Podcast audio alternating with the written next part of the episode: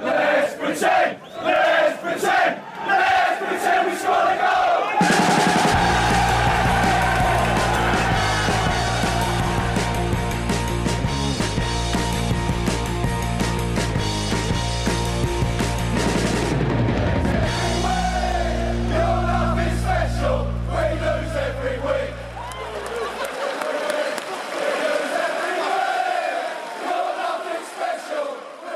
Sportbladets Premier League-podd. Eh, Vi befinner oss eh, en tisdag mitt i skarven mellan två stycken sammanfogade omgångar kan man säga. Det är till och med eh, ja, det är match varenda dag nu, har varit sen i eh, lördag så kommer fortsätta hela den här veckan. Väl. Underbart. Mm. Det är Fantastiskt. fint. Det är fint faktiskt. Ehm, och ehm, ja, vi har ganska mycket att se tillbaks mot. Vi har lite kanske att se fram emot också i veckan. Får se ifall vi hinner det. Eh, Frida, jag vet att du har eh, suttit som en, en hök eh, över fotbollen hela den här helgen.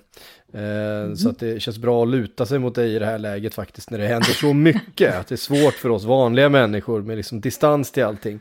Eh, att, att, ni, som, har ett liv. att, hänga med, att hänga med i svängarna, ja, det, vi formulerar det precis hur vi vill. Usch, ja. Tragiskt men Det sant. var inte, var inte riktigt så jag menar, men, men eh, det är ju ditt jobb att ha örnkoll på vad som händer ju. Ehm, kanske skulle kunna vara eh, mitt eller Makotos jobb också, men, Folk förväntar sig att vi har det, men det kanske inte det känns ändå som att vi lutar oss rätt kraftigt mot, eh, mot dig. Eh, Ja, men jag tackar för förtroendet. Nåväl, nåväl. Eh, vi får väl ändå börja någonstans den här helgen med det som hände på söndagen ändå, nämligen matchen mellan Chelsea och Manchester United.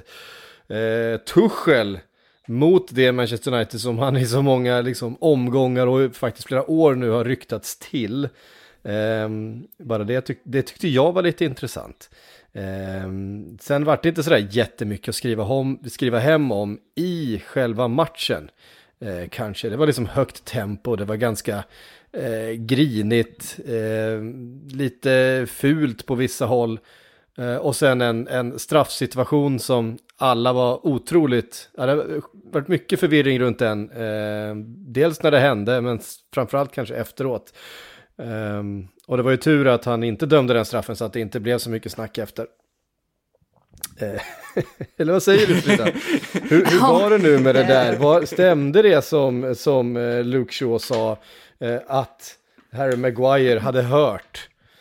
Alltså det är så Nej. otrolig hörsägen hela vägen här.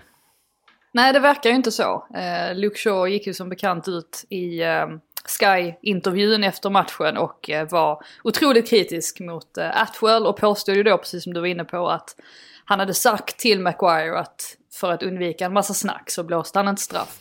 Sen så gick Manchester United ut senare under kvällen och tog tillbaka detta och menade på att Shaw hade missuppfattat hela situationen.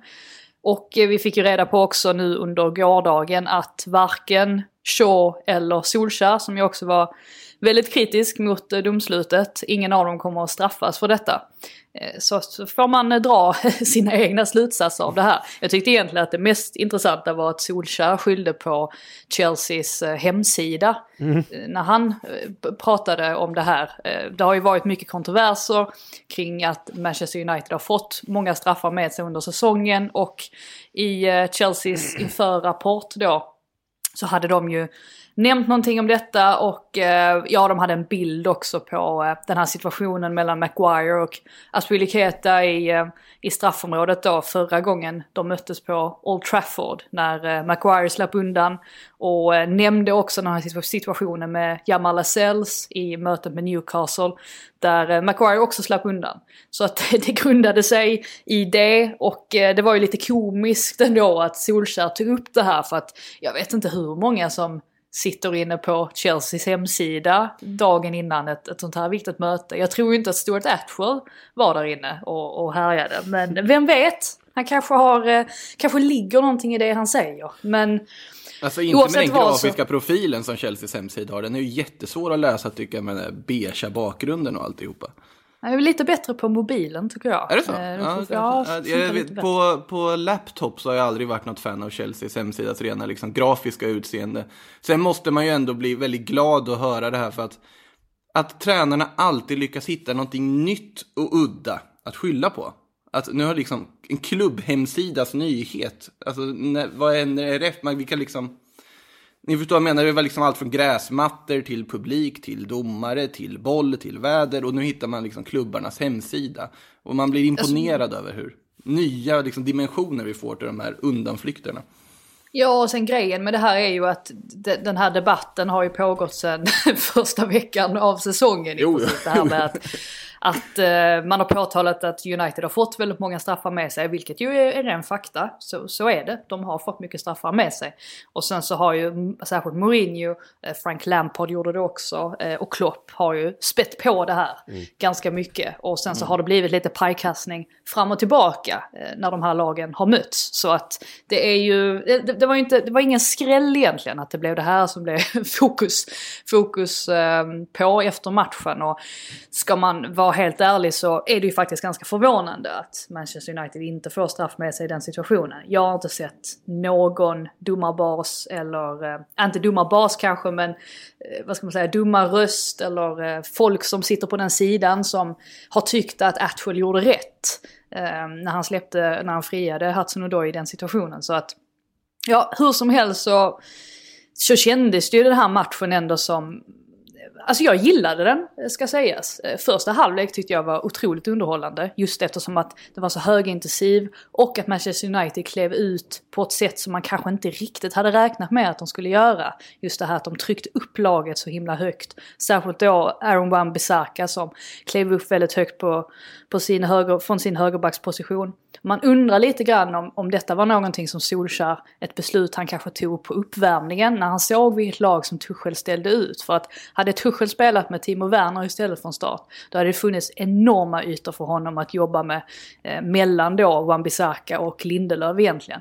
Men eftersom han nu startade i ro så var det mycket enklare för Manchester United att försvara sig mot honom då samtidigt som Wan-Bissaka tryckte upp. Så att på det sättet så var det Ehm, ja, en överraskande men ganska lyckad ändå approach från Solskjärs sida. Och just det här att man valde Daniel James givetvis då för att utnyttja hans speed.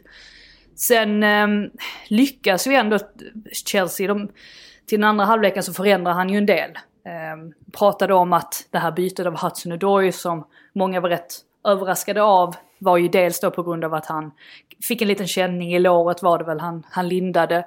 Men också det här att man kanske ville få in en mer defensivt lagd spelare på den positionen så att man bytte in Reece James då istället. Gick ner i, i en fembackslinje och tätade till desto mer på det sättet. Jag tror kanske att om Hudson Odoi hade varit hel då hade man kanske plockat ut Ziyech istället. Behållit Hudson Odoi, bara det att han tog platsen lite mer ehm, är den lite mer inåtvikande platsen så att säga jämfört med då Rich James på, på wingbacken. Men det gjorde ju att Chelsea stabiliserades betydligt bättre.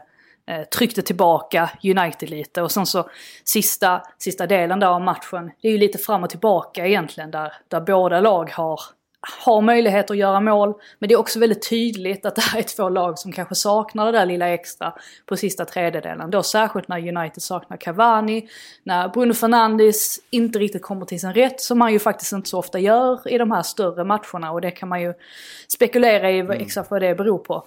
Ehm, och Lindelöf hade ju en rensning där mot slutet också om jag inte minns helt fel som var väldigt bra. Så att min analys efter den här matchen var ganska tråkig och uppenbar. Att det var två väldigt jämna lag som bjöd på en underhållande fight. Tätt försvarsspel och sen så delade de poängen.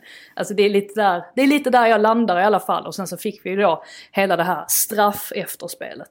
Jag håller med dig om att alltså, Uniteds matchplan på något sätt funkade ganska bra. Jag tror ändå att en aspekt i det var att Kanté spelade. Jag tyckte att han, nu, nu har ju inte han funkat perfekt under Tuchel. Det har ju varit Jorginho och Kovacic som varit det primära alternativet, alltså kanske funkat bäst tillsammans. Jag tyckte det märktes ganska mycket att det var väldigt mycket slarviga bolltapp på egen plan, halva många situationer där United lyckades utnyttja och vinna bollen högt. Problemet var att de inte riktigt hade den här sista spetsen, den klassiska sista spetsen man alltid pratar om, den här sista tredjedelen, han lyckas göra, skapa den här riktigt kvalitativa målchansen. För den tyckte jag saknades rakt igenom United under den här matchen. Men i övrigt i spelet så tyckte jag att man gjorde en, en bra match, även om jag kanske inte var lika underhållen som du var totalt sett om man tittar på underhållningsvärde. Jag tyckte att Kanté var en av eh, Chelseas bästa spelare totalt sett Jaha. över matchen. Och eh, alltså jag förstår hela den här diskussionen med att alltså Kanté är ju en sån spelare som, alltså hur ska man säga, alltså han ihop med Kovacic, det, det genererar inga poäng framåt, så kan man säga. Kanté är väldigt, väldigt bra på de sakerna han är bra på.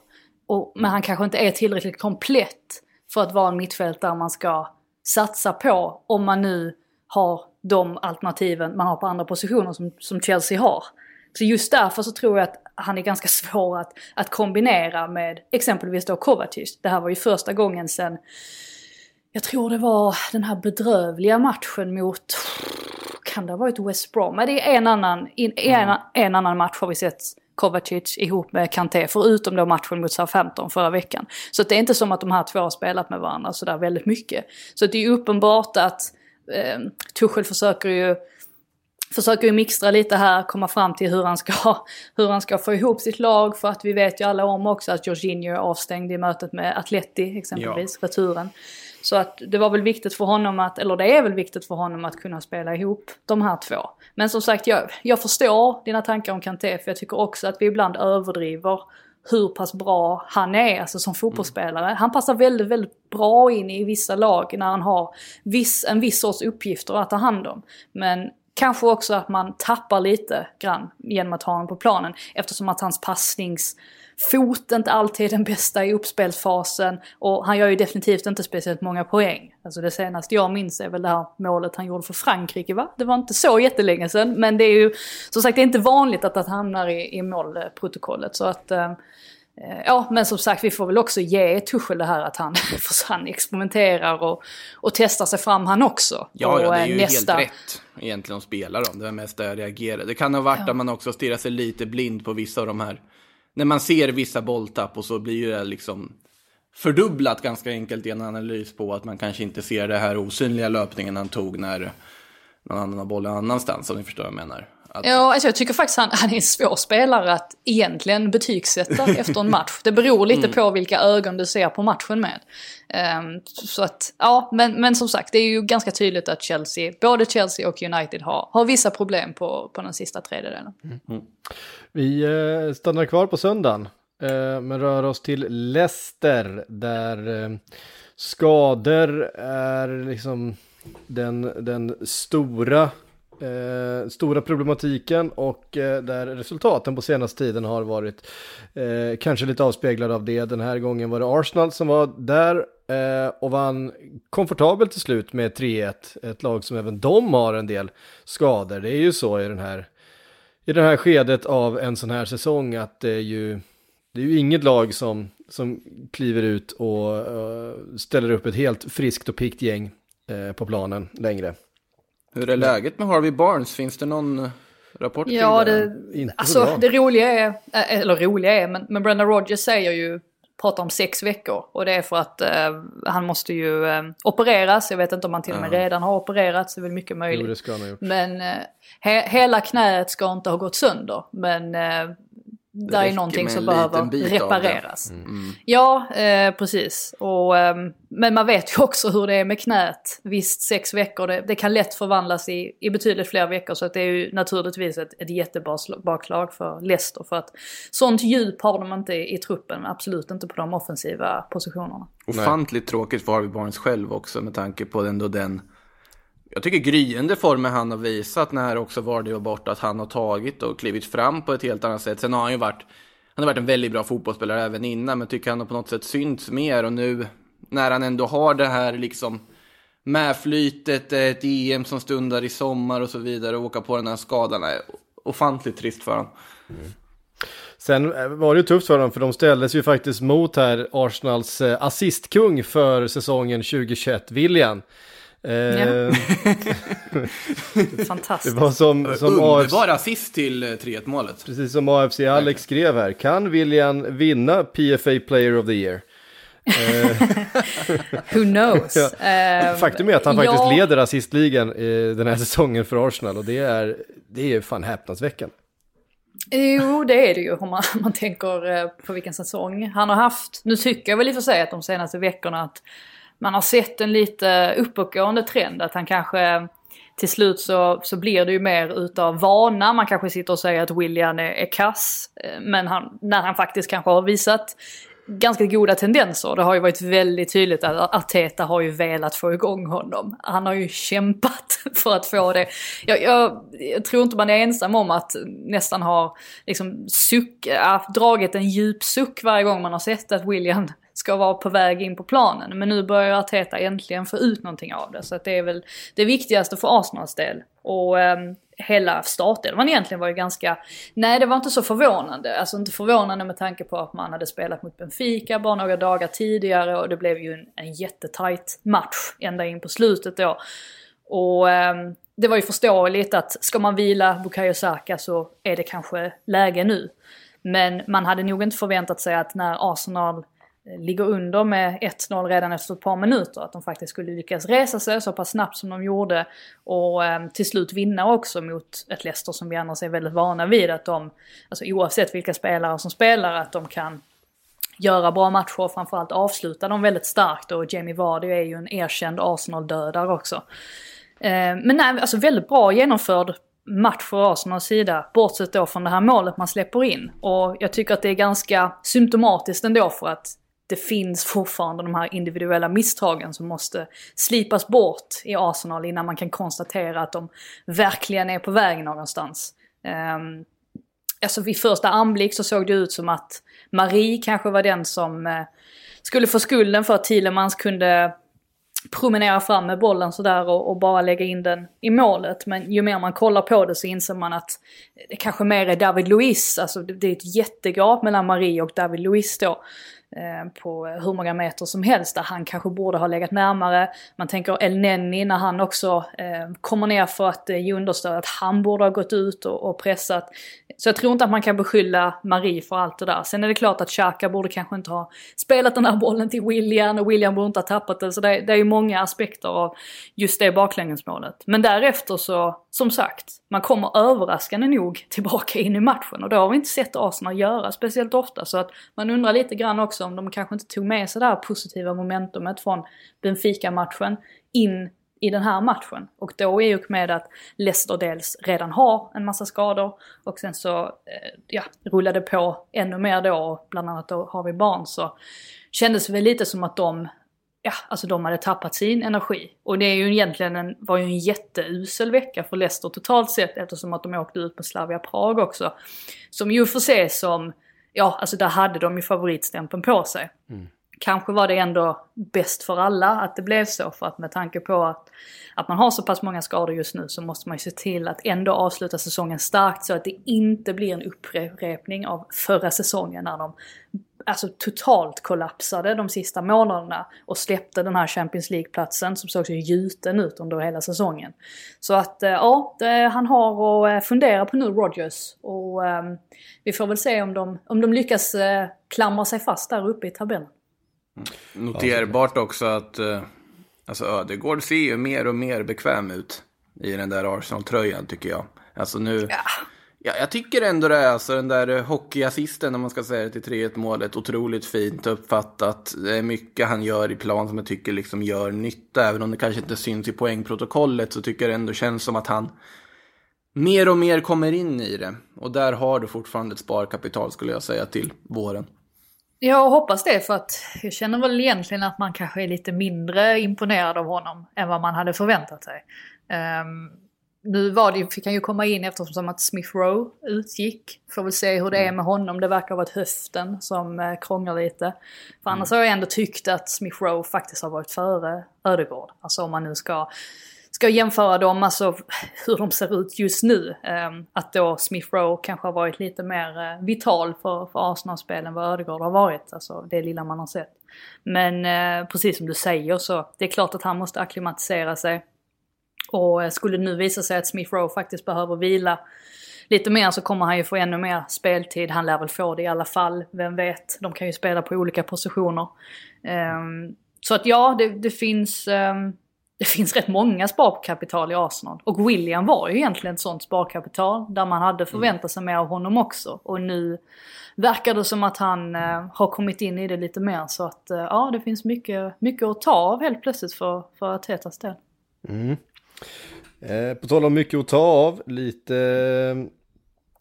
Eh, eh, ska vi se här. Eh, lite senare på samma söndag så eh, pulveriserade Tottenham Burnley med 4-0. Och i sparkapitalet så är det ju Gareth Bale jag pratar om.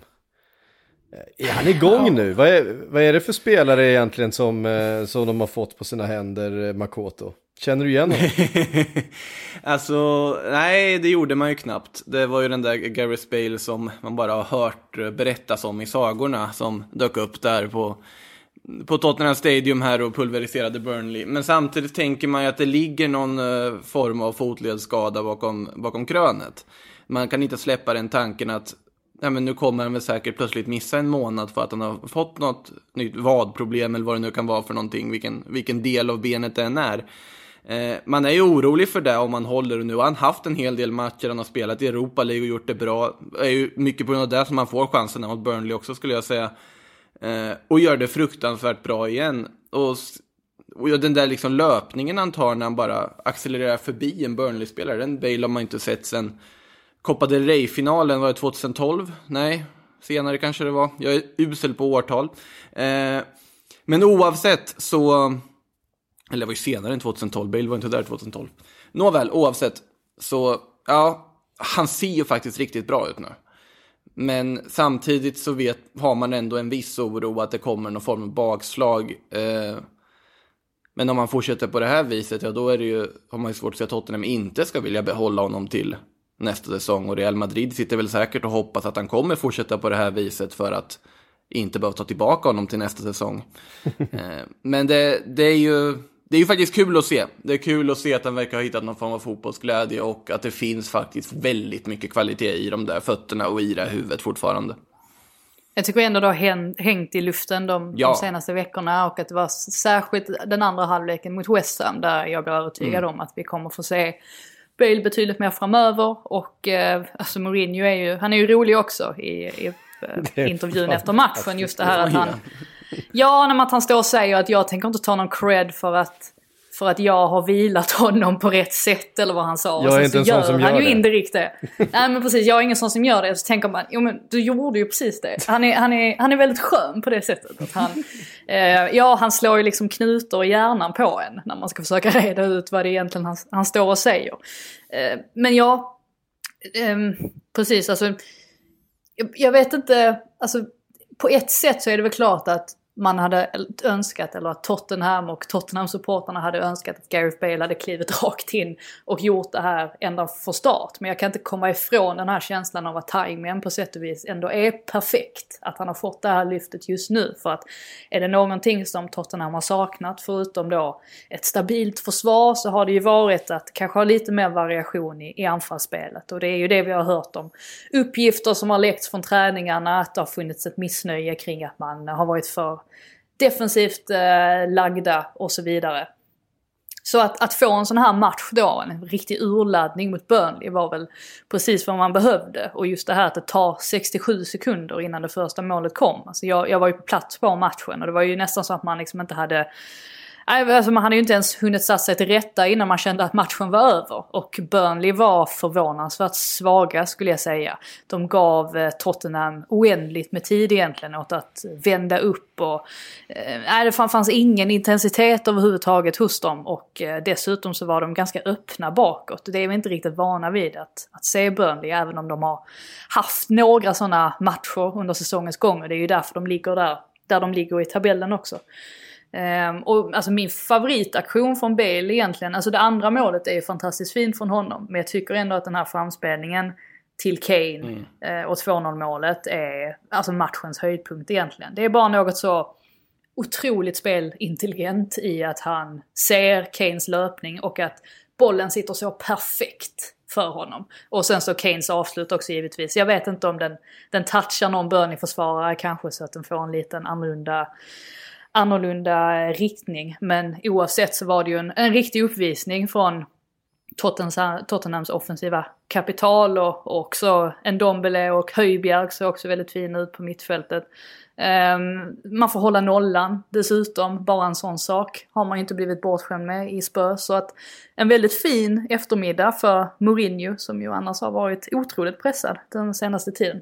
Alltså Bales passning är ju helt enorm, men jag tycker ändå alltså... Eh, må så vara att Burnley-försvaret ska göra det bättre. Jag tycker Hyun-Min Sons assist till 1-0 målet är så otroligt vacker. Alltså när han hittar igenom med den där djupledsbollen fram till Bale där i början genom liksom en minimal vinkel mellan fyra Burnley-försvarare i princip. Rakt precis in i den ytan. Jag tycker den är helt otrolig. Eh, även om Burnley-försvaret inte ska släppa den ytan, det är en annan sak. Men äh, den, Nej, den har håller jag ändå... vaknat än. Nej, men jag håller den som högsta, så det var otroligt vacker passning av Son som också ska. Även om då såklart Bales reinkarnation såklart blir liksom rubriken efter en sån här match så ska man inte förglömma den där Son-passningen. Nej, de behöver Sonny också. Det är ju även han som har assisten till Bales andra mål ju. Så att, eh, nej, det är en skaplig, skaplig trio, eller skaplig fyra egentligen om man räknar in Lucas också. Ja, dessutom målgest koreograf också, Son. Eh, eller tillsammans med Bale där. Lucas Mora får väl inte riktigt vara med på det här hörnet. Det Nej, det var väldigt oklart.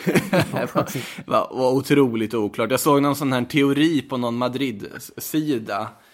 Där man menar att det här V som Bale då gör när han också vänder det till ett M. Att det inte var då win som folk säger utan att det var Madrid watch. Men den känns lite konspiratorisk att det skulle vara Jag tror, inte att de, jag tror inte att de är så, är de så smarta höll jag på att säga. Nej men är det så Ja, invecklat det, det när är lite? Illuminati-varning på det. Men alltså, man- nu ska vi komma ihåg att det här är också mannen som hade den här, eh, eller det var ju inte hans flagga, men han stoltserade ju ändå med den här eh, Golf och Wales och Han, Madrid-flaggan. han tyckte inte illa om den flaggan om man säger så. Nej, det var, han, han såg ju det roliga i flaggan. Det gjorde jag också ska jag säga. Det var, det var ganska underhållande alltihopa. Men ja, Lucas Mora får kämpa sig in i de där koreografmötena inför matcherna. För han, han kändes inte riktigt som han var med eller så uppskattad med sina L som han försökte plocka in där i firandena. Nej. Ehm, ska vi se, vi tar oss tillbaka till, eh, till lördagen därifrån då. Ehm, för Manchester City eh, fick ändå slita hårt mot ja, men ligans kanske allra formstarkaste lag i West Ham. Ja, allra formstarkaste är väl City ändå, eh, trots allt. De vinner ju allt hela tiden. Ehm, Men West Ham gav sig inte utan en fight eh, den här lördagen heller. Det, det satt långt in och det var ju i vanlig ordning Michael Antonio som eh, stod för målet. Det är det han gör. Eh, men John Stones klev fram. Eh, alltså Ruben Diaz och John Stones, två mittbackar som avgör där. Det är som, de behöver ju inga anfallare, de behöver ju inte någon eh, Agüero i, i, i full fitness. Utan, Nu var han ju där, Agüero. Det var ju ja, lite han spelade i alla fall. Ja. Oj, det var, en liten, eh, det var en liten hint mot Agüero där. Eh, nej men precis, alltså det fantastiska eller vad man säger är ju att Pep Guardiola ändå tog en risk med den här startelvan som han satte ut. Alltså att han, att han vilar spelare som Cancelo, Bernardo, Rodri, Jesus och Foden och ändå lyckas vinna en sån här tight match. Ehm, det får man ju säga visar att eh, Citys bredd i truppen den är inte att, att leka med. Och så dessutom då så får ju Walker och till och med Torres, Agüero och Fernandinho eh, värdefulla spelminuter. Ehm, så ja, eh, sen så sätter ju precis som du säger så sätter ju West Ham upp eh, ett... Ehm, ja, alltså jag tycker att de gör en väldigt bra match rakt igenom. Och, och just det här att de, ehm, Eh, att de attackerade matchen på rätt sätt eh, med sin alltså fembackslinje där bak så att de såg till att och, och täppa till ytor på, på det sättet. Och eh, skapar ju faktiskt en, en del ändå. Det, var, det enda som fattades var väl att deras omställningsspel i början inte riktigt klickade. Det gjorde ju det till slut på, på målet. Men just att um, hade de kunnat få till lite mer skärpa i de lägena så, så tror jag nog att de hade kunnat plocka poäng här. Um, men ja, eh, då, då kliver mittbackarna fram istället och, och gör mål. Så det är klart att det är, det är svårt att försvara sig mot, mot allt och De Bruynes eh, inlägg är ju helt fantastiskt till, till Diaz. Och det är väl klart att alltså De Bruyne har ju fått en del, alltså inte kritik kanske, men att han kanske har ifrågasätts lite grann de senaste veckorna om man har tänkt att, eh, alltså vad, vilket är egentligen Citys absolut bästa lag och bästa uppställning. Eh, men De Bruyne har ju de kvaliteterna. Och, alltså, han ser ju passningar och passningsalternativ som andra spelare inte ser och jag tycker att han visar där i det ögonblicket just varför han är så viktig att ha på planen. Även om, eh, ja, alltså viss statistik kanske visar på att det är mer effektivt ibland att ha, ha någon annan, alltså alternativt då Bernardo till exempel, istället för De Bruyne. Men eh, nej, jag tycker absolut inte att West Ham behöver, har ju ingenting att skämmas över efter den här matchen. Utan man stod upp väldigt bra och hade man bara haft lite mer flyt på sin sida så eh, hade man nog kunnat eh, få med sig någonting i den här matchen. Eh, liten shoutout till Vladimir Sofal också. Vi har pratat om honom rätt mycket de senaste veckorna. Eh, men med tanke på att han anslöt till West Ham för, jag tror det var 5,4 miljoner pund eller någonting sånt. Så är det faktiskt rätt fantastiskt vad han har gjort den här säsongen.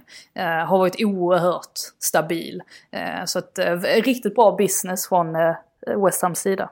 Mm. Alltså, jag sitter och, du nämnde det lite här Frida, men jag sitter och tittar på Manchester Citys bänk i den här matchen just nu.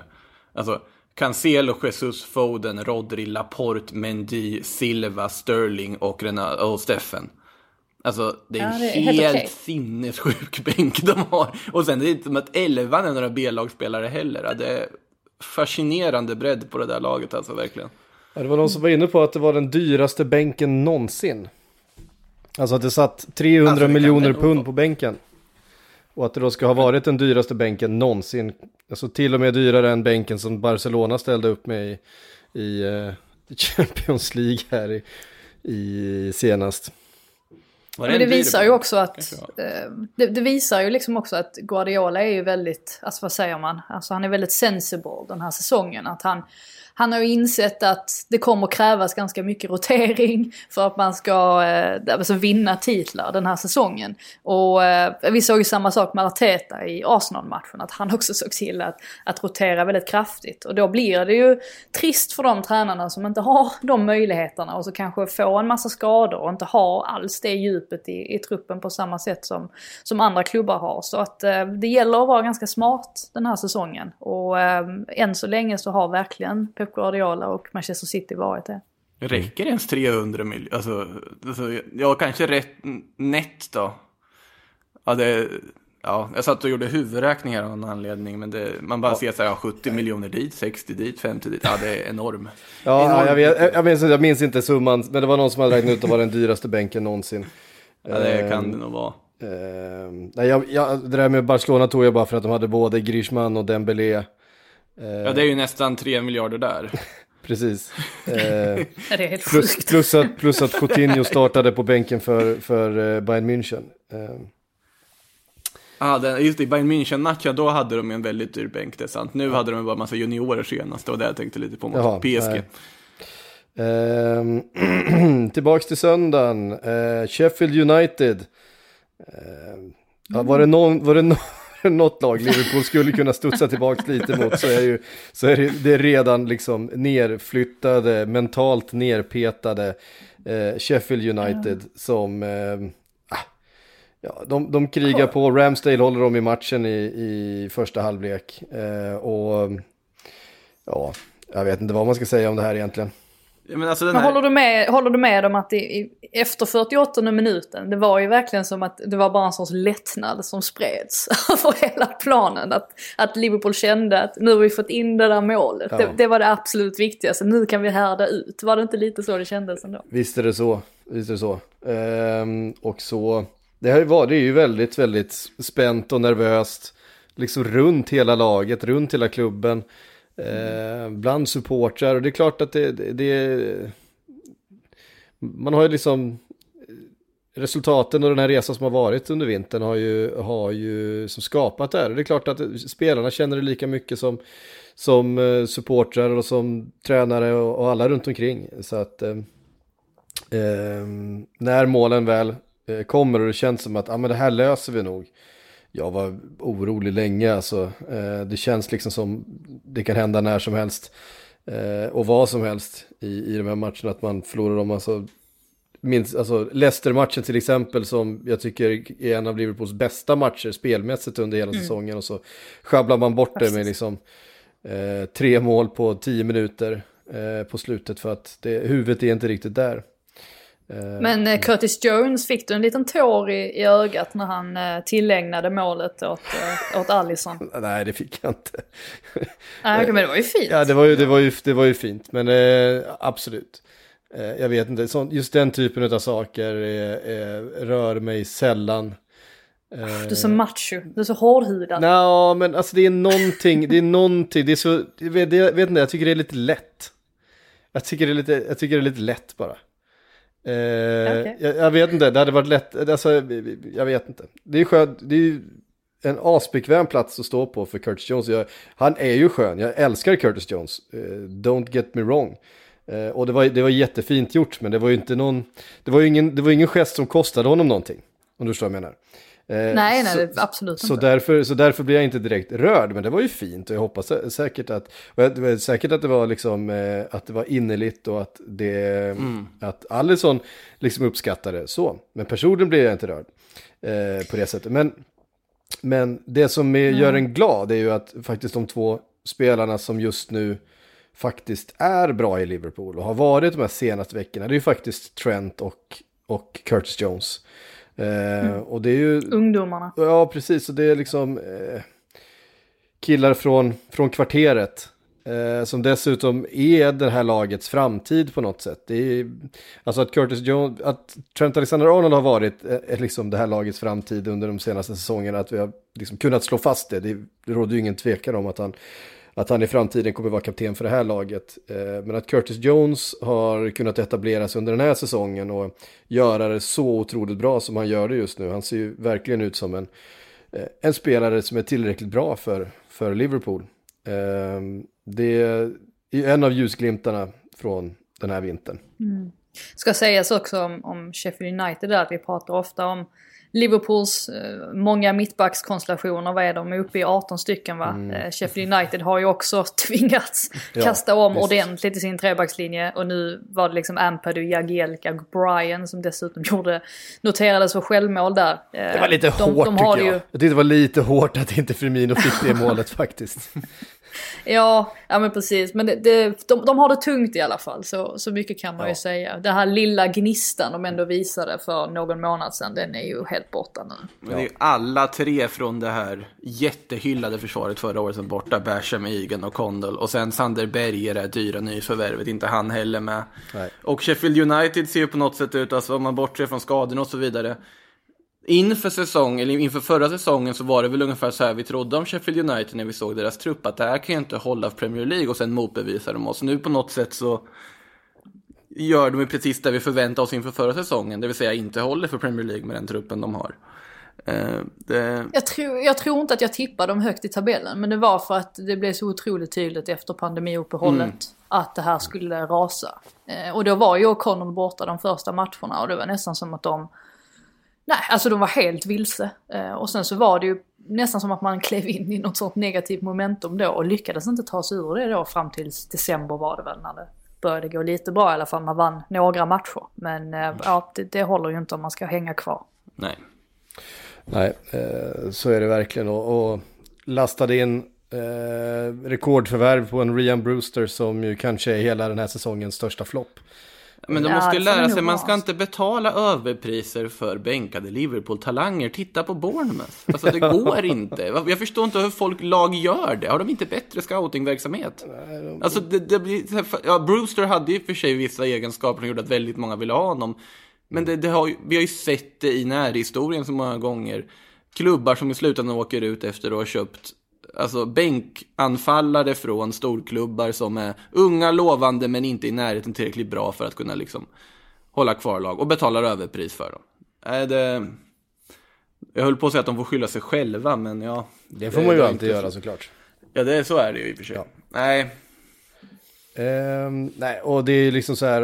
eh, efter West Ham och Spurs-segern där för Liverpool kändes det någon slags, kändes det som att, jaha, nu vänder det kanske, nu finns den här liksom gnistan igen och nu börjar det se lite bättre ut och nu kanske vi kan trumma igång. Jag tror inte det råder några som helst illusioner efter 2-0 borta mot Sheffield United om att, att, att, att eh, man är ute ur, ur tunneln på något sätt för, för Liverpools del. Det är en eh, riktigt tuff match på hemmaplan eh, mot Chelsea och det här är nästan så att det hade känts bättre om det var bortaplan för att i, i London går det att vinna. Eh, I Liverpool går det ju inte att vinna för Liverpool just nu. Eh, Nej, och det är ju det som är så intressant att de är ju fortfarande bra med poängmässigt om vi ser till att de ska försöka rädda säsongen nu genom att ta en Champions League-plats i alla fall. Mm. Eh, det, för, för, det är ju rätt så märkligt med tanke på att det, det, det nästan känns som att Liverpool har haft en sån fruktansvärt bedrövlig säsong så man förväntar sig att de skulle ligga någonstans i mitten. Men de kan ändå förlora fyra matcher i rad och ändå behålla sin sjätteplats. Det säger ganska mycket ändå om, om hur pass jämnt det är i tabellen då, bortsett från att Manchester City har stuckit iväg. Men det är väl också med den logiken vi inte skanderar om Artetas avgången för att det ändå bara är sju poäng upp till CL-platsen. ja. Alltså jag tänker, Ja, men vad, vad skulle bli bättre också av att kicka honom? Alltså det... Jo, men alltså det här, det här tar jag nästan upp varenda gång jag är med i Men jag, liksom, jag kan fortfarande inte förstå hur... Alltså jag Arsenal, liksom, nu, nu kanske jag hoppar lite här. Men alltså Arsenal sett till vart de låg. Vad, om Emery hade legat tia med Arsenal. Han hade ju varit tokkickad och liksom toksågad. Och jo, men det blev han också. han blev ju också... Jo, men alltså, att, ja, men det jag menar är att Arteta, jag tycker Arteta kommer för lätt undan. Alltså med, från kritik överlag. Nu var det ju jättemycket kritik såklart i höstas och så vidare, men så mycket bättre resultatmässigt och så vidare har det inte blivit. Jag håller helt med om att det finns mycket goda tendenser, att det såg väldigt bra ut mot Leicester nu senast och så vidare och att det finns potential. Men här och nu, det är ju för dåligt. Det var liksom bara det jag ville slänga in. Jo, men jag tror nog att... Alltså om man har tittat på Arsenal vecka in och vecka ut. Ja. Så tror jag ändå att man, att man ser någonstans att de trots allt tar steg framåt. Alltså den här svackan de hade i höstas, den var ju, alltså det var ju en helt orimlig svacka egentligen. Där de hade extrem otur också om man ser till de här dumma, idiotiska grejerna som röda kort och sånt som på något sätt avgjorde matcherna. Och de var ju liksom Liverpool också inne i en sån här mental eh, Ja, alltså där de inte riktigt trodde på sig själva. Och jag ska vara helt ärlig och säga att, om vi ser då till förra veckan, att de dels lyckas vända det resultatet mot Benfica och lyckas vända borta mot Leicester. Det, för mig, alltså det hade jag inte trott för två veckor sedan att de skulle lyckas göra det. Um, och jag tycker att det visar också att de är på väg åt rätt håll. Och just det här också att han ändå kan ställa upp med en startelva där han inte har sina ordinarie spelare och ändå vinna matcher. Det är ju dit man vill nå. Så att, Och jag, jag tror man har insett också att man kan inte hålla på att byta tränare hela tiden. Alltså vad är, det som ska, vad är det som ska bli bättre av det egentligen? Alltså någon gång får man kanske inse att ja, ja, nu får vi ge honom en ordentlig chans här. För att vad, vem ska vi plocka in annars? Och, och kommer det bli bättre direkt? Nej, men det, det kommer det kanske inte bli. Och då står man där igen och tänker att ja, men Arsenal, vi ska ju vara den här stora klubben och vi ska ju ligga där uppe. Eh, Det är ju det är ju ganska svår, det är en ganska svår balansgång. Ja, men verkligen. Alltså, där, där håller jag helt med om att det inte nödvändigtvis att det blir bättre av att sparka Arteta. Men att han sett till att Arsenal överlag kritikmässigt, att det känns som att deras ambitionsnivå eller det vi förväntar oss av dem, såklart det är naturligt har sjunkit, men det här var inte för många år sedan när Unai Emery tog över, de var det en klubb som man förväntade sig, men målet måste vara Champions League. Nu känns det som att ja, men det är en bonus om vi når Europa. Det är li- lite där på något sätt Arsenal känns ha hamnat de senaste åren och det är ju anmärkningsvärt förfall. Ja, ja det är ju inte bra. Men och egentligen har ju ingenting hänt de senaste, alltså, tänk de senaste fem åren, sex åren. Alltså man står ju fortfarande lite grann och, och stampar på samma ställen. Men ehm, som sagt, jag tycker ändå det, det viktigaste är att, alltså, jag är inte fullkomligt övertygad om att Edu är världens bästa sportchef exempelvis. Men jag tror att det nog ändå är, är väldigt positivt att han har ett sånt starkt band med Arteta. Att de på något sätt kan bli eh, ett, ett team som kanske... Alltså de, de brinner ju otroligt mycket för Arsenal så förhoppningsvis så, så eh, kan de om någon få in lite stabilitet i klubben för att det känns som att det är det som har saknats. Det här är en kultur som har grutt under så många år, det, det förändrar man inte i en handvändning. Nej. Och tycker ändå att Arteta har försökt att visa, alltså sätta spelare på plats. Eh, just den här hela Özil-härvan exempelvis. Det är mycket sånt de har behövt ta tag i, alltså vid sidan om fotbollen, som inte har gynnat dem heller. Och som kanske, kanske har påverkat resultaten, det vet vi ju inte. I alla fall inställningen i omklädningsrummet, just det här att man har haft väldigt många olika klickar. Så att hela, hela liksom ämnet Arsenal, det är så otroligt. Ja. Det kan man skriva avhandlingar om. Ja, Alltså ja men verkligen. För, för det är en aspekt där också att Arteta har ju till skillnad från Emery också fått det han vill ha i transferfönstret för att han just har haft en, de har haft en bättre sportslig verksamhet där det då inte som jag håller med dig, det går att ställa frågetecken där, men samtidigt så kan man ju inte säga att han har gjort annat än att han faktiskt har levererat. De har ju faktiskt värvat spelare, Arteta har fått in spelare på positioner han har önskat att få in spelare på. Jo, Och den- men sen var ju Partey var ju, var ju skadad. Jo, alltså, jo, så såklart, himla ja, Det- ju. Så att det har ju inte riktigt flutit på som, det, som man kanske hade tänkt sig. Nej, vi, vi, men bara med, eh, vad heter det, överenskommelsen att vi är lite oense om Arsenals status så kan vi gå vidare innan vi börjar skriva avhandlingar här. Ja, nej men status, alltså just, just nu mår de ju bra. Alltså Jo, just jo, jo, nu, just här nu, och nu. just- ja, här Sen nu, är det klart absolut, att det, det är inte men- bra att ligga på tionde plats i tabellen. Alltså det är inte där de ska ligga. Men, men vad ska man, man kan ju inte ropa om hans avgång varje vecka. Nej, nej, nej, Alltså nej, ska vi själv- göra själv- det tills de ligger på inte.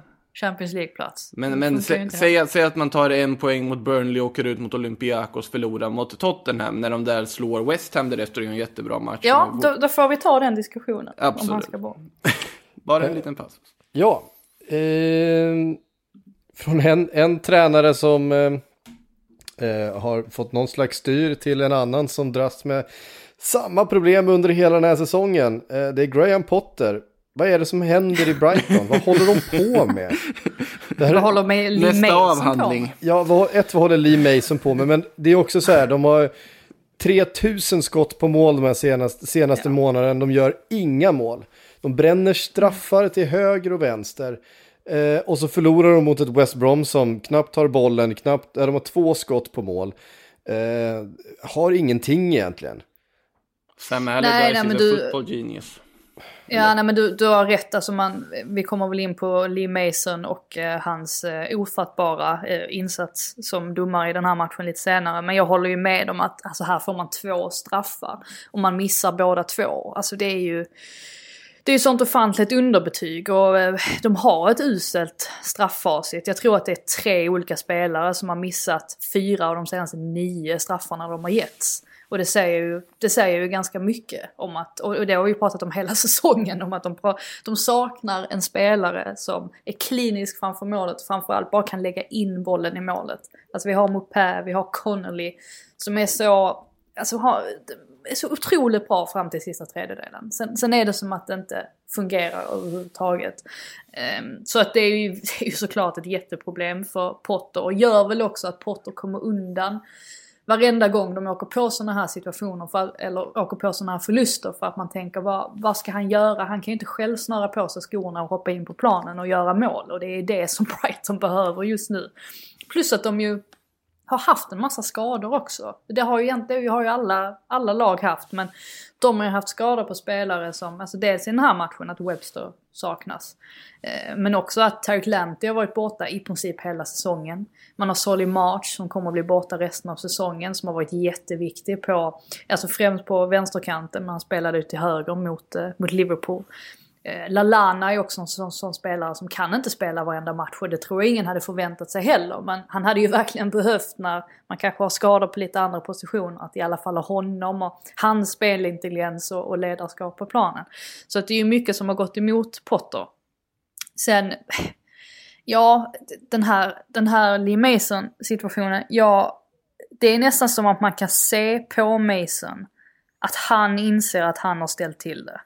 Uh, alltså vi, i, alltså vi kanske ska beskriva situationen. Att det är Louis Dunk som, han ska lägga en frispark. Han frågar Lee Mason, kan jag lägga frisparken? Lee Mason uh, eh, visslar till. Louis Dunk drar till den. Men precis innan bollen passerar mållinjen så inser Mason att uh, Johnston inte var redo. Blåser igen. Bedömer ändå det som mål för Brighton. Fast alla fattar att VAR kommer ju titta på detta och kommer, kommer ju bedöma det, alltså döma bort det eftersom att du har ju blåst innan innan bollen passerar mållinjen. Så att här var det ju han som satte sig, han satte sig själv i skiten, eh, rent ut sagt. Och Louis Dunk var ju inte nöjd efter den här eh, matchen. Och jag förväntar mig väl att han säkert kommer få en ganska saftig bot för de grejerna han sa där. Men eh, han tycker väl att det, att det är värt det. De är ju inte i en bra situation just nu, det är väldigt tätt där nere. Särskilt nu som, de har ju bara tur att Fulham inte tog chansen exempelvis i helgen. Eh, så att det ändå är ett litet glapp de emellan där på tre poäng. Men det kommer bli tufft nu de sista veckorna, eller sista månaderna. Och de har ganska många tuffa möten nu eh, kommande veckor. Ja, det är hårda bud i eh, Brighton. Vi tar oss vidare till eh, eh, Leeds som åkte på pumpen mot ett annat skadedrabbat lag, nämligen Aston Villa. Eh, och de är ju eh, framförallt skadade på det sättet att Jack Grealish är skadad. Eh, och han är ju halva laget så att det var eh, starkt och eh, Ollie Watkins, Bertrand Traoré, Anwar El Ghazi ja, det är ju det är ändå, det, det är ändå en ganska, ganska kul fronttrio de har där, eh, trots allt, i Aston Villa tycker jag. Alltså. Ja, nej men absolut. Men det är ju som sagt, du var inne på det, att Jack Grealish är ju, han är ju verkligen motorn i, i det här laget och varje gång han inte är på planen så saknas han. Tycker framförallt att man kan se det på Watkins som är betydligt bättre när han har Grealish på planen. Jag tycker nästan att de två, de två kompletterar varandra väldigt väl och tar ut det bästa ur varandra nästan. Det här att Watkins ofta tar öppningar som öppnar upp för, för Grealish och, och så vidare. Men det Aston Villa däremot är, det är ju ganska duktiga på att försvara ledningar, särskilt när de tar ledningen så här efter fem minuter. Vi såg ju samma sak i, i mötet med Arsenal för inte så länge sedan, att de ändå lyckas eh, stå emot och plockar alla tre poängen och det behövde de för att deras tidigare resultat nu har ju det har varit lite blandat med någon förlust hit och, och någon, någon vinst hit och sådär. Så eh, nej, otroligt viktigt för, för dem och nu har de, de har ju fortfarande en match mindre spelad, minst två, två matcher mindre spelade än, än många andra dessutom. Och ligger på 39 poäng så att de, de hänger fortfarande med där uppe i toppen. Mm. Uh, Leeds då ska vi Uh ja, något om deras insats? Alltså, noterbart att Diego Llorente gör sin andra raka start, tyckte jag. Sen vet jag inte hur imponerande han har varit efter alla skadeproblem och sånt han haft. Men det var ju en spelare man förväntade sig skulle gå bara rakt in i en startelva och tillsammans med då Robin Koch bildar mittlås inför säsongen. Men så har det ju inte riktigt blivit för Koch har ju varit skadad och Jorento som sagt haft skadeproblem och sen så har ju Stroik fått chansen och så har man ju flyttat in Eiling som mittback flera matcher så att det har varit lite roterande där. Men det känns som att Leeds bara hoppar lite upp och ner fortfarande likt de har gjort hela säsongen. Men så länge man också hoppar upp ibland så kommer ju inte kontraktet vara i fara i alla fall. Sett till att de har en så pass enorm högsta, högsta nivå. Mm. Ja, man får väl fortfarande se, alltså själva säsongen får man ju verkligen se som lyckad med mm. tanke på att de har 35 poäng efter 26 spelade omgångar. Det enda som inte är lyckat det är väl planen på Ellen Road för att eh, jösses vad den gräsplanen, alltså spelarna det är ju direkt livsfarligt. Alltså. Ja, den bara släpper. De halkar ju runt. Ja, det... Är det Friends Arena? Det, det, Ja, det, det, är faktiskt det var det första jag tänkte på eh, när eh, de la det här nya gräset och man började se sviterna av det. Att jag tänkte tillbaka på den där gången när AIK la, eller det är inte AIK, men eh, det är ju där de spelar i alla fall, när Friends la en ny gräsmatta. Det, det var inte heller nådigt de, den första tiden. Jag vet inte hur den är nu egentligen, nu är den väl bra igen. Jag har inte sett den på ett tag gräs, så att, uh, jag vet inte. Nu för tiden är det... Det är väl en gång om året kanske. Ja. ja, oklart. Ska inte prata. Ja. Det borde du veta psyk. Du är mer sådär och har hus och sånt. Du borde veta hur ofta man byter gräs. Byter gräs? Alltså hemma gör man ju inte det alls. Nej, nej det, det, det, är ju ganska sjukt att göra liksom hemma på tomten. Bara, jag lägger ny gräsmatta i år ute i skogen. Jag har aldrig haft en egen gräsmatta så jag bodde hemma. Så jag, jag, jag, vet inte. Nej, jag, det, nej. Jag ja, då får den vara rätt illa så om man ska riva upp skiten och lägga en ny. Eh, nej tack. Men I eh, fo fotbollsplaner funkar ju lite annorlunda. Ehm, eh, helt klart. Jag har, är det någon procent i gräsmattan här som är, som är gräsfrön från, eh, från samma då, köpta på Anfield, med Anfield-gräs. Är det så? Sånt kan, man, sånt kan man hålla på med när man har en egen gräsmatta. Men du har inte ramat in den biten som är där? Nej, men alltså det jag var där någon gång så kunde man köpa sådana här gräsfrön. Som skulle, jag vet inte, ingen aning om om det hade någonting överhuvudtaget med gräsmattan som var nere på, på Anfield att göra eller inte. Men, men de kostade inte så mycket och sen så när vi eh, rullade ut gräset här då, när vi byggde huset så, så strödde jag ut dem över gräsmattan för att känna. Jag, jag, det är inte säkert om ett enda av de gräsfrön, det kanske inte var riktiga gräsfrön, det kanske var bara liksom sand i en påse som jag betalade 70 spänn för en gång i tiden. Men det kan vara procentuellt Anfield-gräs på din gräsmatta. Ja, jag vill, jag vill i alla fall eh, lura mig själv till att tro det. Och Eh, den täcker du ändå med liksom eh, veranda och eh, sånt där när du ska bygga hela tiden. Borde du vilja utnyttja gräset istället? eh, ja, precis. Ja, eh, det, eh, Fel podd kanske. ja. Eh, Everton, Southampton, gårdagens eh, kvällsmatch då. Får avrunda den här podden precis som den avrundade eh, omgången. Ett Everton som nu ligger på samma poäng som Liverpool med en match mindre spelad. Tänka sig. Ehm, mål efter, ehm, ja bara, eh, vad var det nu, 10 minuter. Nio. Eh, Av Richarlison. Ett, tycker jag, lite märkligt. Jag fattar inte riktigt vad Southampton håller på med i den, eh, i den situationen. Men det är ett otroligt fint avslut av Richarlison som, som Fin boll från Sigurdsson runda målvakten. Ja, det är, det är absolut en jättefin boll, men, men eh, hela Southamptons försvaret står ju bara och tittar på. Eh, det, det är någonting som händer där, jag, vet, jag uppfattar inte riktigt, men det ser lite, såg lite märkligt ut tyckte jag. Eh, hur som helst så, så var ju Everton det bättre laget i den här matchen, även om Southampton tryckte på på slutet. Det blev ju Ja, sådär. det är Pickford som kliver fram där ju i slutet. Och, och Så är det, han gör en jätteräddning där på slutet. Eh, men också eh, Genepo har ju superchans att avgöra och skjuter utanför. Eh, och ja, de skrapar ihop ett, bra, ett par bra lägen på, på ja, den sista kvarten egentligen, Southampton. Eh, men ändå kändes det i segern, trots allt då, rättvis faktiskt får jag säga. Ja, alltså det här kändes väl som, som en match, alltså på förhand som Everton verkligen kunde förlora. Att man har sett de tendenserna, dels när de har spelat hemma på, på Goodison Park, eh, men också när det har varit den typen av motstånd som man kanske tänker att den här matchen borde ändå Everton vinna. Så har de, så har de förlorat den typen av matcher. Men det gjorde man ju inte här. Eh, och det är ju starkt, men det beror ju också säkert väldigt mycket på att Southampton har tappat all magi egentligen. Eh, givetvis eh, delvis på grund av skador, de också. Alla har problem med skador, eh, men det har de ju verkligen.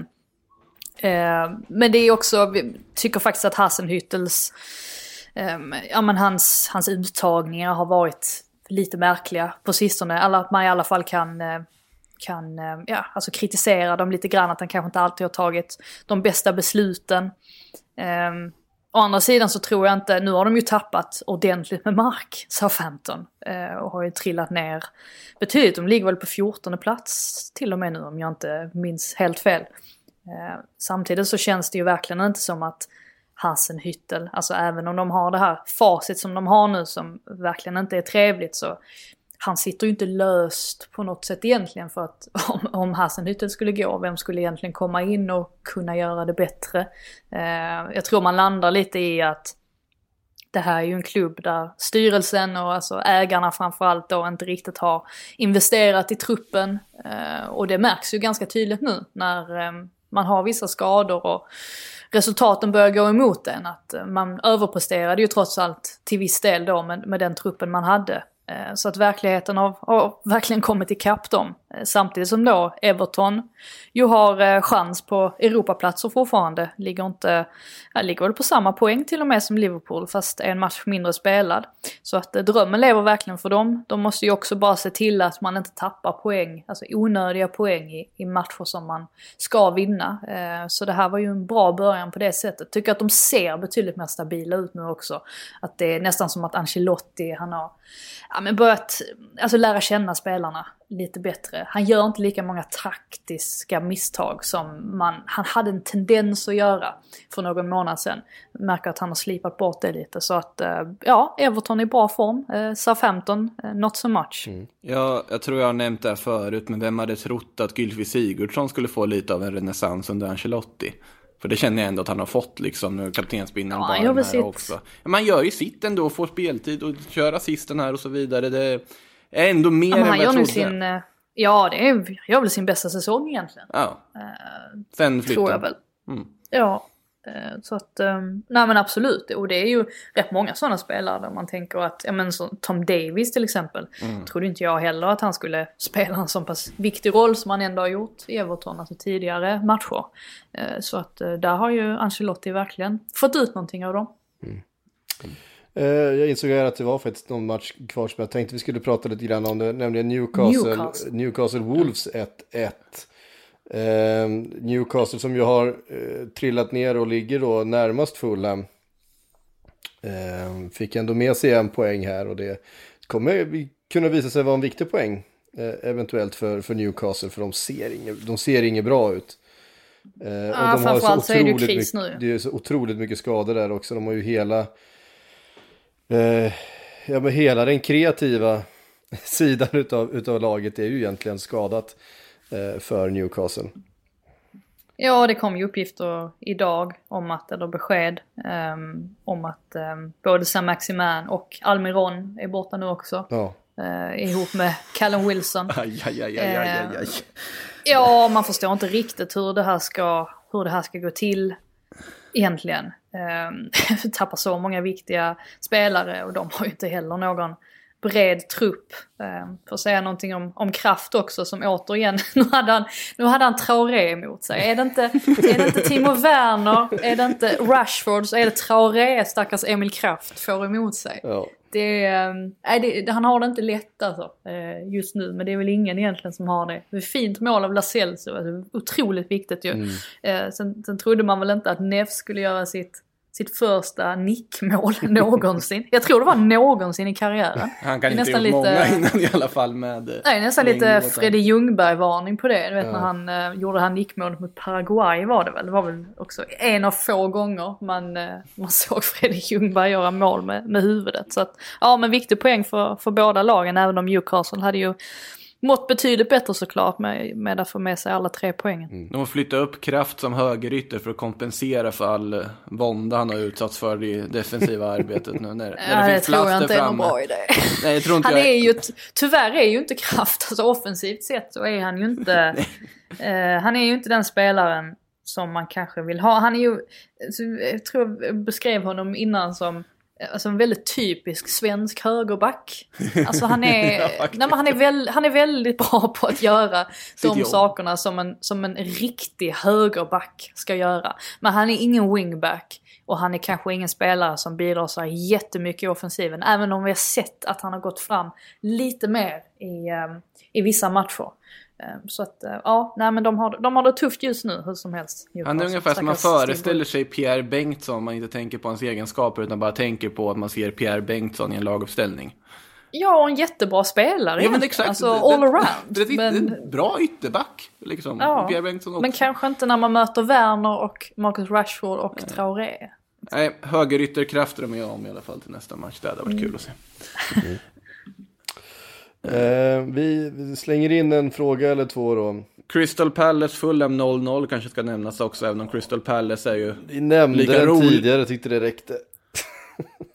Ja, nämnde vi. Ja, alltså det, där var det ju Fulham som faktiskt inte tog chansen riktigt. Ja, jag jag tänkte mest att de mötte Crystal Palace ifall någon inte visste. Men sen är Crystal Palace lika roliga som torkande målarfärg att prata om nu för tiden. Så att det räcker väl så ungefär.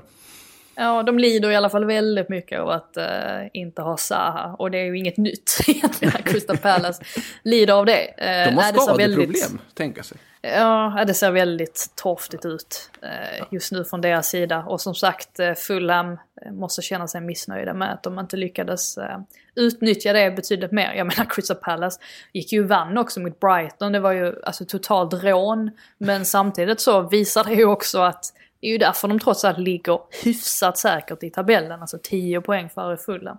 Det är ju för att de, eh, de faktiskt har lyckats skrapa ihop de poängen som, som krävs. Mm. Eh, vi har fått en fråga här från J Albin 5. Han skriver direkt till dig Frida. Han skriver så här. Oj. Frida! Utropstecken. Måste inte den otroliga Esri Konsa till EM och en toppklubb inom parentes. Eh, en av få brittiska försvarare vars grej är att försvara bra efter marken. Jag säger så här bara, hitta någon som tittar på Esri Konsa på samma sätt, eller tittar på dig på samma sätt som Albin tittar på Esri Konsa säger jag bara. Eh. ja, nej men alltså Esri Konsa, jag tycker ju faktiskt att han, eh, jag är ju en av dem som inte är sådär jätteimponerad av Tyron Minks. Jag tycker att han, Tyron Minks kan ha jättebra matcher, alltså det är inte det jag säger. Men eh, tycker inte alltid att han är, är superstabil. Och ehm, ja, men liksom att han har en tendens att göra lite konstiga misstag och sådär. Och där tycker jag absolut håller med att Esri Konsa är en väldigt spännande spelare och att han eh, har kompletterat Tyron Minks väldigt bra säsongen igenom. Um, ganska öppet ändå på mittbackspositionerna. Tänker att John Stones är ju garanti och Harry Maguire är väl också garanti. Svårt att peta honom varken i, i klubblag och landslag oavsett hur han presterar. Eh, men spelar de då med en trebackslinje så, så är det klart att där är, där är en plats över och Mings har ju testats på den positionen tidigare. Eh, men det är väl eh, inte helt omöjligt att Konsa kommer att testas här nu också. Det är ju någon samling innan EM i alla fall. Och om det inte blir EM så på sikt så kommer han säkerligen vara, vara med i Gary Southgates urval. Mm. Eh, vi har fått en fråga här ifrån, jag ska hitta namnet, eh, Adam Westfält. Eh, han har gjort en spaning nämligen, jag eh, tänkte vi kunde eh, ta den eh, och eventuellt debanka den här eh, halvkonspirationsteorin. Eh, jag har gjort en spaning som kan vara värd att ta upp, skriver han. Eh, de två lagen med mest skador just nu är Liverpool och Leicester. Och vad har de då gemensamt tänker man? Jo, båda har ett, nya träningsanläggningar och två, båda bytt ny medicinsk personal nyligen. Är, det, mm. är jag något på spåren? Fast är, stäm, jag vet inte vad det stämmer att, att, att Liverpool har flest eh, skador. Jag tror det finns många lag som har ungefär lika många skador. Problemet är att man har fått alla skador på samma position. Ja, det vågar jag inte riktigt uh, slå fast. Men däremot så har man ju sett den här konspirationsteorin med uh, deras nya, alltså med-team. Det kom väl från Arsenal till och med, att det var liksom den parallellen man drog mellan att då, uh, att det skulle ha någon inverkan. Jag, jag minns att jag läste detta och tänkte, hmm, detta måste man gräva lite mer i. Och sen gjorde jag aldrig det. Så att jag, jag vågar absolut inte svara någonting på det. Gällande ny träningsanläggning, det borde väl vara tvärtom, va? Tänker man. Visst, det kanske är sämre planer som i Ellen Road-fallet, men överlag så tänker man ju att bättre faciliteter ger liksom bättre förutsättningar, men eh, det, det är väl bara jag. Ja. Jag tror att det är de där Anfield-fröna som ligger bakom det. Du får, får, kika på gräsmattan. ja. ja, nej, ja, alltså det där med träningsanläggning, ni vet, alltså nya faciliteter, nya förutsättningar kan ju såklart påverka på olika sätt. Jag tror att det är eh, tillfälligheter snarare än någonting annat. Eh, faktiskt, vi ser ju enorma skadelister i, i, i väldigt många lag. Så att eh, jag tror att det är snarare är hårt matchande eh, och tillfälligheter och i, eh, i många fall de som har dragit på sig eh, skador tidigt på säsongen som både Leicester och Liverpool har gjort dragits med, med eh, det som man säger, stora vanliga skador, alltså eh, mer sånt som kan uppstå i incidenter. Då har det liksom fått följdeffekter på resten av truppen. Att, eh, vissa spelare som var tänkt att vara rotationsspelare har fått spela väldigt mycket. Eh, spelare som normalt sett behöver eh, sparas lite grann har fått släcka bränder istället. Eh, och så, så har man fått mycket liksom, förslitningsskador på, eh, på grund av det. Så det blir ju någon slags en ond spiral utav det. Mm. Eh, så jag tror att väldigt mycket av det vi ser i, i skadeväg eh, hos en del av lagen just nu är resultat av eh, skador tidigare under säsongen och sen att det är så, så hårt matchande, så lite, så lite återhämtning och så lite rehab. Ehm, och så, så, såklart som alltid så mycket på spel. I Spanien ja, sen har de ju Nej, förlåt, fortsätt. Ja, I Spanien har man ju dragit någon inverterad version av den här spaningen. För i Real Madrids fall, så med skadeproblemen de har, så menar ju de flesta att det är för att man inte har bytt eh, medicinsk personal. Och att man fortfarande sitter med det här Sanitas sjukhuset som då sin, liksom, ja, fy, med fystränare och så vidare och att det har ju kritiserats ganska rejält för alla skadeproblem som varit att man inte har bytt så att det går ju att dra åt olika håll också. Mm. Sen är det ju ganska intressant ändå för att eh, jag läste någon artikel om just den här nya tekniken som har kommit de senaste åren och hur eh, eh man kan bli bättre och bättre på att förutspå vilka som kommer bli skadade. Och de visade någon alltså helt otrolig data på att ehm, eh, alltså med hjälp av vissa mätredskap så kan du förutspå alltså om det var fyra av fem alltså potentiella skador i förväg. Jag vet inte exakt hur många klubbar som använder sig av detta. Ja, men- Och det är ju inte riktigt utvecklat, fullt utvecklat än. Sen använder de ju det till, till en viss längd, men just den här, um, den här absolut senaste tekniken eh, är lite osäker på hur, hur det ser ut i alla klubbar. Ja, alltså då, om det är just den tekniken, men det har funnits liknande teknik tidigare och, och olika metoder. Och där har man ju haft spelarna i olika liksom, zoner, vart de befinner sig eh, rent fysiskt. Ja, absolut. Eh, och det här med att man har spelat spelare som har befunnit sig i, i zoner när man normalt sett hade vilat eller roterat eller spelat färre minuter. Man, och de spelarna har fått spelat många fler minuter som har befunnit sig i, i orange zon eller röd zon eller vad de nu kallas. Eh, det är ju verkligen eh, huvudanledningen till varför vi har sett så mycket skador. Och det Ja, kände, vi, kände nu- vi på förhand, alltså det, vi pratade om det före säsongen, att, att det här kommer vara eh, en del utav, utav problematiken under den här säsongen. För att med så mycket matchande och... ehm, Ja, skill- skillnaden nu var väl att den skulle vara ännu mer precis, så att säga, den här tekniken. Och att man i princip ska kunna få ett mail inför varje match med de här spelarna kommer att bli skadade. Mm. Och de spelarna blir väldigt ofta skadade om de spelar. Det är ju helt, helt makalöst egentligen. Alltså rent men, eh, truppmässigt kommer det leda till ännu mer bekymmer för då kommer det ju bli tvingade att inte spela spelare som inte är skadade än för att de kommer bli skadade. Jo, jo, men det är ju, alltså, det är såklart säger ju sig positivt. själv typ. ja, Ja. oh, så. det. Matips karriär är ju över i sådana fall. Han kommer ju få, han kommer, han kommer få ett sånt mejl inför varje omgång, Ja. oavsett hur mycket han har Gareth Bale kommer inte spela många fler fotbollsmatcher heller liksom. Det bara, ja, men han kan bli skadad. Nej, okej, ja. Det, det blir ju. Yes. Hörde ni, det var allt vi hann den här veckan. Ehm, vi är såklart tillbaks eh, nästa vecka igen. Slutelvan den här veckan. Ska vi prata Barcelona, Makoto? Eh, Ja, det, det det finns du och mycket att prata om. Ja, det blir mycket att prata om nu med polisrazzior och det har varit debatt här nyligen. Och, ja, bottar som har tagit över omröstningar på liksom vem de kommer rösta på på Twitter och grejer. Otroligt intressanta saker som pågår där. Och val snart. Så Ja, det, det blir precis. kul att prata. Val till helgen va? Ja, som är 7 grejen. mars. Det är då, då Barcelona-medlemmarna ska vallfärda till urnorna. Kanske de inte ska göra i de här tiderna, men det är väl ungefär så det kommer se ut. Var, var det bara en, ehm, alltså en, ehm, vad säger man, coincidence att ehm, de gjorde razzia nu så här ett fåtal dagar innan, innan Det får du valet? höra på fredag, Frida. Ja, oj, oj, oj, ja, okej. Måste jag ta reda på det till dess också. Vilken press vi sätter nu. Ehm, som sagt, missa inte det. Fullt fokus på Barca då, om kaoset inför valet, vad som händer. Ehm, det är- det är en riktig nagelbitare där nere. Eh, tusen tack eh, Makoto och Frida för att ni var med idag. Eh, vi är tillbaka om en vecka igen.